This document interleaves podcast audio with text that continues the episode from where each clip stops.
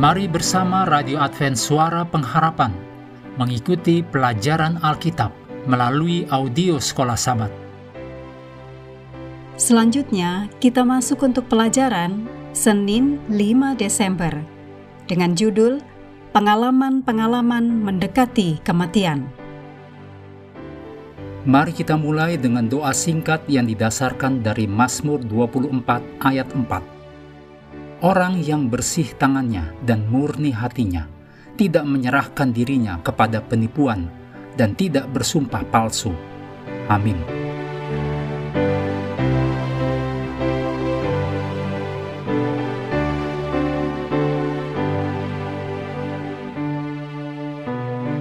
Beberapa argumen modern paling populer untuk membuktikan teori kekekalan jiwa adalah pengalaman-pengalaman mendekati kematian atau near-death experiences.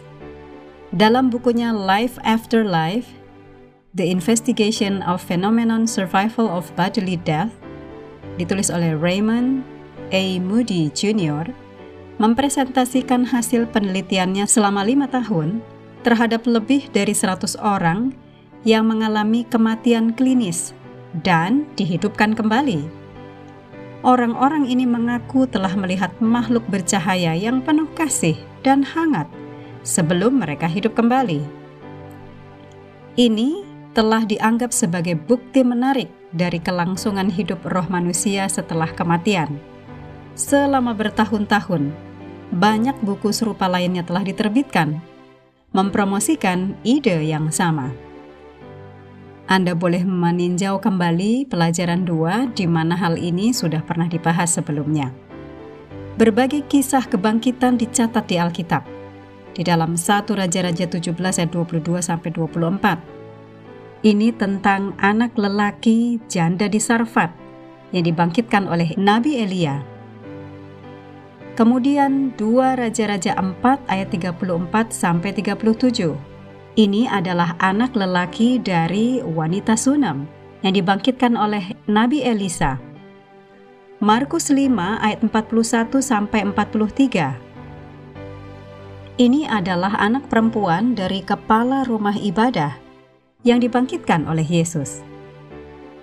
Selanjutnya dalam Lukas 7 ayat 14 sampai 17 ini adalah seorang pemuda dari janda Dinain yang dibangkitkan oleh Yesus. Dan dalam Yohanes 11 ayat 40 sampai 44. Ini adalah Lazarus yang sudah mati empat hari dan mulai membusuk, dibangkitkan oleh Yesus. Adalah hal yang sangat penting bahwa tak satu pun dari mereka yang dicatat oleh Alkitab dibangkitkan ini berbicara tentang segala jenis keberadaan yang sadar pada saat orang-orang ini mati sebelum mereka dibangkitkan kembali. Semua pengalaman mendekati kematian yang dilaporkan dalam literatur modern adalah tentang orang-orang yang dianggap mati secara klinis, tetapi tidak benar-benar mati. Berbeda dengan Lazarus, yang sudah mati selama empat hari dan mayatnya telah membusuk – dicatat dengan jelas dalam Yohanes 11 ayat 39. Baik Lazarus maupun mereka yang dibangkitkan dari kematian di zaman Alkitab tidak pernah menyebutkan pengalaman kehidupan setelah kematian, baik di surga, di api penyucian, atau di neraka. Ini memang sebuah penjelasan dari keheningan, tetapi sepenuhnya sesuai dengan ajaran Alkitab tentang keadaan yang tidak sadar dari orang yang mati. Tetapi bagaimana dengan pengalaman mendekati kematian yang begitu umum diceritakan saat ini?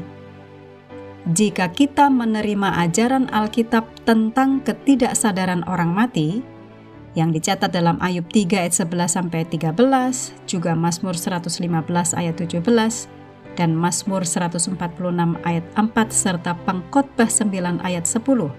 Maka tinggal dua kemungkinan utama. Apakah pengalaman mendekati kematian itu adalah halusinasi psikokimiawi alami di bawah kondisi ekstrim?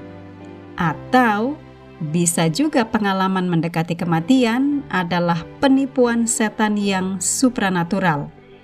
Dicatat dalam 2 Korintus 11 ayat 14. Penipuan setan memang bisa menjadi penjelasan, terutama karena dalam beberapa kasus orang-orang ini mengaku telah berbicara dengan kerabat mereka yang sudah meninggal. Tetapi bisa jadi kombinasi dari kedua faktor tersebut yaitu halusinasi psikokimiawi alami di bawah kondisi ekstrim dan penipuan setan yang supranatural. Dengan penipuan yang merajalela dan begitu meyakinkan bagi banyak orang, sangat penting bagi kita untuk berpegang teguh pada ajaran firman Tuhan, terlepas dari pengalaman apa pun yang kita atau orang lain mungkin miliki yang bertentangan dengan apa yang diajarkan Alkitab. Betapa menariknya bahwa pengalaman mendekati kematian sekarang sering kali datang dengan mendapatkan izin dari ilmu pengetahuan. Ini mengajarkan kepada kita tentang seberapa perlunya kita berhati-hati, bahkan terhadap hal-hal yang menurut ilmu pengetahuan terbukti. Mengakhiri pelajaran hari ini, Mari kita kembali ke ayat hafalan kita dalam 2 Korintus 11 ayat 14 dan 15.